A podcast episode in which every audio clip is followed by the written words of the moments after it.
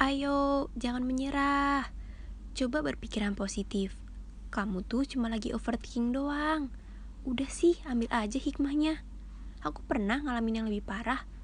Harusnya kamu semangat. Aku yakin kamu pasti bisa.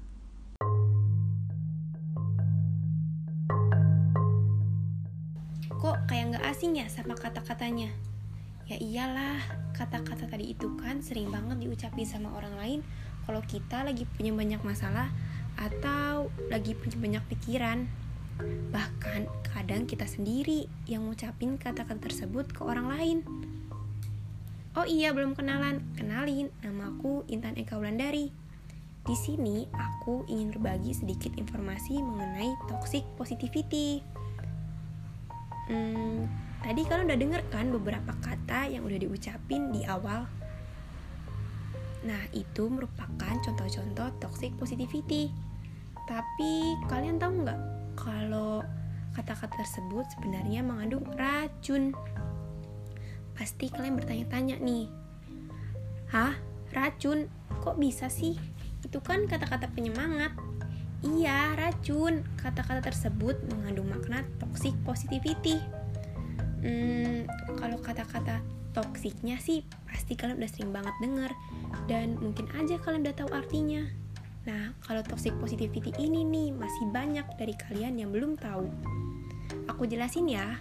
Jadi, toxic positivity merupakan suatu konsep bahwa berpikir positif merupakan cara yang tepat untuk menjalani hidup kita diminta untuk hanya berfokus pada hal-hal positif saja dan menolak untuk menerima apa pun yang dapat memicu emosi negatif. Loh, bukannya bagus ya kalau kita mengajak orang untuk selalu berpikiran positif? Tunggu dulu. Jadi, ada seorang psikoterapis dari Amerika yang berpendapat bahwa nasihat yang mengajak seseorang untuk berpikir positif justru membuat seorang tersebut merasa takut, merasa sedih, merasa sakit, dan bahkan merasa sendiri. Nah, usaha mengajak seseorang berpikiran positif akan terlihat realistis. Nantinya malah akan menjadi palsu atau bahkan menjadi racun bagi yang menerimanya. Kalian bingung gak sih apa yang aku jelasin tadi? Hmm, gini deh, biar kalian ngerti, aku jelasin lagi ya. Misalnya, kalian punya temen nih, Nah, kalian nah teman kalian tuh lagi sedih karena nggak lulus masuk PTN. Dan kalian tahu kalau dia emang pengen banget masuk PTN tersebut. Sebagai teman kan, kalian pasti akan nyemangatin dia dong dengan bilang, "Lo pasti bisa kok. Jangan menyerah." Menurut kalian ya mungkin itu fine-fine aja. Kan nyemangatin. Padahal mah sebenarnya tuh kata-kata cuma topeng doang. Alias kata-kata racun berwajah baik. Ya iyalah, kalian tanpa sadar udah ngedorong teman kalian buat ngerasain sisi yang baik-baik doang tanpa tahu pengalaman apa yang udah dia rasain.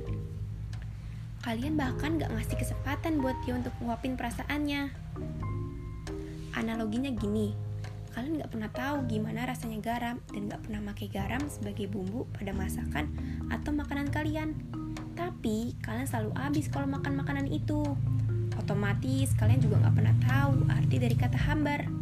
Nah, saat udah mulai kenal rasa garam buat masakan kalian, kalian akan tahu apa arti dari kata hambar. Tapi ketika garam tersebut ditaburkan secara berlebihan, kalian akan tahu arti dari kata asin yang bikin makanan jadi nggak enak. Makna atau kesadaran seperti halnya garam, orang bisa aja ngejalanin hidup tanpa makna sekalipun, tanpa pengertian, tanpa konsep ataupun istilah, dan orang-orang itu akan fine-fine aja ngejalaninnya walaupun maknanya minim. Orang bisa nemuin garam berarti orang itu udah menemukan makna yang lain, rasa yang lain, menemukan pengertian dan istilah, menyajikan makanan dengan atas atau dengan dengan atas rasa dan kelezatan.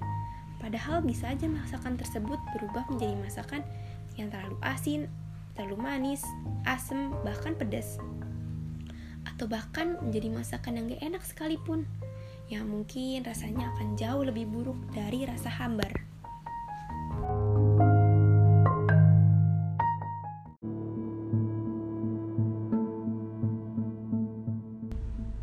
Tapi toxic positivity itu emang bahaya banget ya? Kok sampai dibilang racun gitu sih? Jadi, toxic positivity sangat berbahaya karena hal tersebut gak bikin orang yang menerimanya merasa lebih baik, yang ada merasa lebih buruk, terutama bagi mereka yang sedang mengalami depresi. Karena ada hubungan antara pemikiran positif, kesehatan, dan kebahagiaan. Pemikiran dan sikap positif merupakan alat sederhana yang sangat efektif untuk menjalani kehidupan yang lebih bahagia dan sehat. Toxic positivity hanya memicu orang yang tertimpa persoalan menutupi perasaan sesungguhnya. Padahal mah kenyataannya sakit hati. Bisa aja toxic positivity muncul karena kalian belum pernah ngerasain permasalahan yang sedang dialami oleh orang lain. Nah, sampai sini kalian paham kan kenapa toxic positivity sangat berbahaya? Tapi ada alasan lain nih, kenapa toxic positivity nggak baik untuk kesehatan fisik maupun mental. Yang pertama, malu. Memaksakan pikiran dan sikap positif mendorong seorang untuk menutup rapat-rapat emosi dan penderitaan mereka. Sebagian orang tidak ingin terlihat lemah atau buruk, maka pilihan tersedia hanya dua. Pertama, jujur dan berani terbuka. Kedua, berpura-pura dan bersikap seolah semuanya baik-baik saja.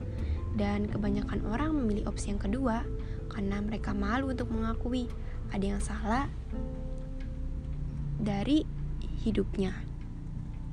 Yang kedua, emosi yang ditekan, menyembunyikan atau menyangkal perasaan mengakibatkan tekanan pada tubuh dan kesulitan menghindari pikiran yang menyusahkan.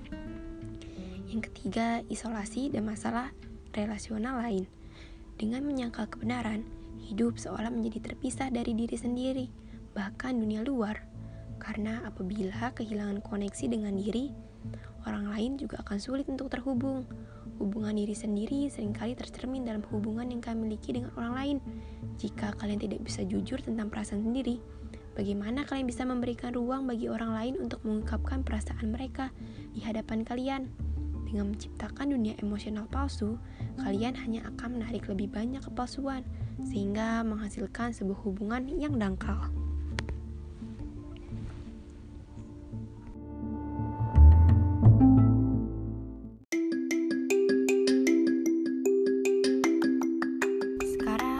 tahu kan apa itu toxic positivity dan kenapa toxic positivity bisa berbahaya? Tapi orang-orang masih belum bisa membedakan antara empati dan toxic positivity. Terus gimana dong cara membedakan antara empati dan toxic positivity? Yang pertama, orang yang toxic biasanya nggak mau nerima emosi negatif, nggak peduli seberapa hebat atau baiknya seorang pasti akan ada momen di mana mereka merasakan emosi negatif, seperti sedih, marah, atau kecewa. Ketiga emosi tersebut merupakan hal yang normal dirasakan seorang. Namun, orang-orang yang hanya memberi toxic positivity cenderung enggan menerima perasaan-perasaan negatif tersebut. Biasanya, mereka akan mengatakan bahwa seharusnya tidak merasa sedih ataupun kecewa terhadap suatu kejadian yang membuat down Padahal sangat penting untuk mengeluarkan emosi negatif yang dirasakan agar kita bisa merasa sedikit lebih lega. Yang kedua, membandingkan masalah kalian dengan yang dialaminya. Orang yang benar-benar berempati akan berusaha memahami perasaan seseorang yang sedang mengalami masa-masa sulit. Sementara itu, mereka yang hanya sekedar memberi toxic positivity biasanya hanya akan bicarakan permasalahan yang mereka alami dan membandingkannya dengan masalah kalian. Mereka bahkan akan mengatakan bahwa masalah yang kalian alami gak ada apa-apanya dibandingkan dengan masalahnya. Di satu sisi, hal itu mungkin bisa membuat kita merasa bersyukur karena tidak mengalami masalah seperti yang dialami oleh orang tersebut.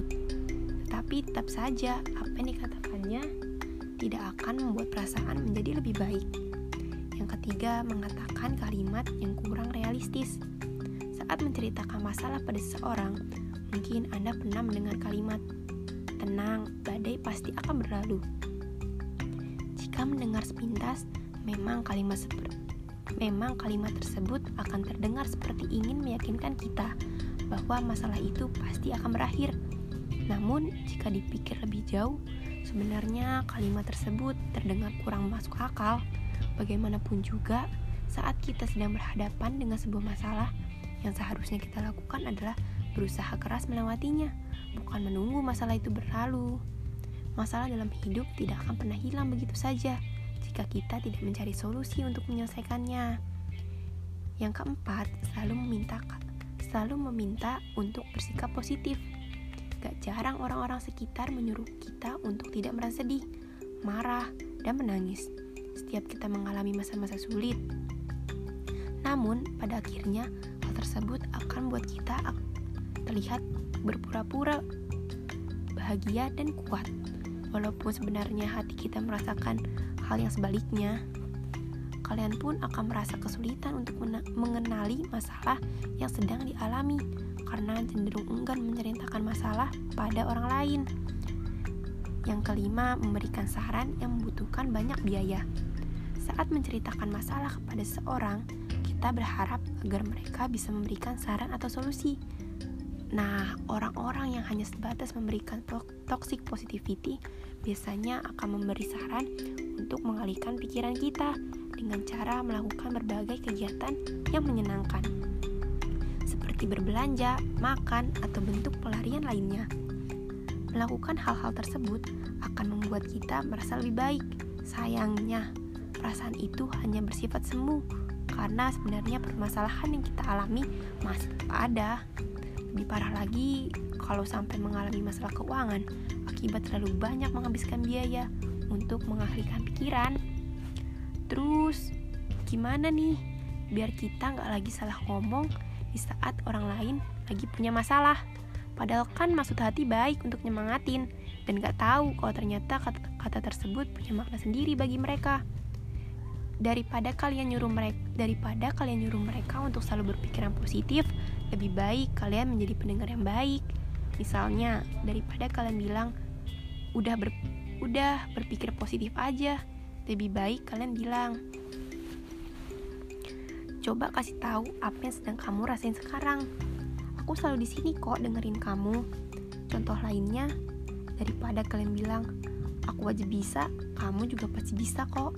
Mending kalian bilang gak apa-apa kok semua orang itu punya cerita dan batas kemampuan yang berbeda masih banyak sih sebenarnya tapi intinya jangan pernah menuntut seseorang untuk berpikir tentang hal-hal positif saja.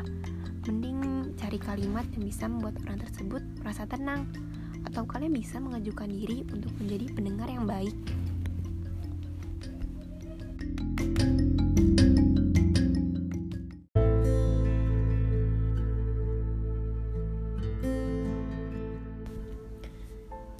Pada dasarnya, toxic positivity merupakan keinginan kita untuk menyemangati seorang, tapi berujung membuat seorang menjadi terpuruk. Satu yang kita lupa untuk pahami di sini adalah rasa tidak nyaman itu manusiawi, ada dan semua orang mengalaminya dalam bentuk yang berbeda-beda pastinya. Dengan memberikan toxic positivity, kita mengindahkan adanya rasa tersebut. Semua orang memiliki tingkat toleransi rasa tidak nyaman yang berbeda-beda dan ketika ia memutuskan untuk menceritakannya kepada orang lain, artinya ia sedang berusaha meringankan perasaan tersebut. Saat diberikan kalimat yang berupa toxic positivity, seolah-olah perasaan tidak nyaman itu remeh dan tidak bisa diatasi dengan mudah, hanya jika kita memiliki emosi positif, ingat Tuhan, atau dalam keadaan tidak sedih. Bayangkan jika kamu sedang mengalami keadaan tidak nyaman, lalu orang lain dengan mudahnya berkata, banyak kok yang menderita dari kamu atau yang lebih parah. Itu mungkin karena kamu kurang dekat sama Tuhan. Coba habis ini ibadah dan berdoa. Alih-alih meringankan beban justru menambah perasaan bersalah atas kedekatan kepada Tuhan yang dinilai manusia. Sebagai pendengar yang baik sebaiknya kita juga tidak perlu membandingkan cerita teman yang sedang menghadapi masalah dengan cerita kita ataupun cerita yang pernah kita dengar apalagi jika kita jika perbandingan tersebut tidak mengarah pada referensi pemberian solusi, kurangnya juga ego untuk memotong cerita atau justru lebih banyak menceritakan diri sendiri saat teman sedang menceritakan masalahnya. Kalimat toxic positivity tidak sepenuhnya buruk. Kamu masih bisa menggunakan menggunakan tone positifnya hanya saja diejas sedikit dengan kata-kata yang lebih praktikal dan menawarkan bantuan. Mulai sekarang, sebelum berbicara dengan orang yang punya masalah, lebih baik dipikirkan terlebih dahulu apakah perkataan kita mengandung makna toxic positivity atau tidak.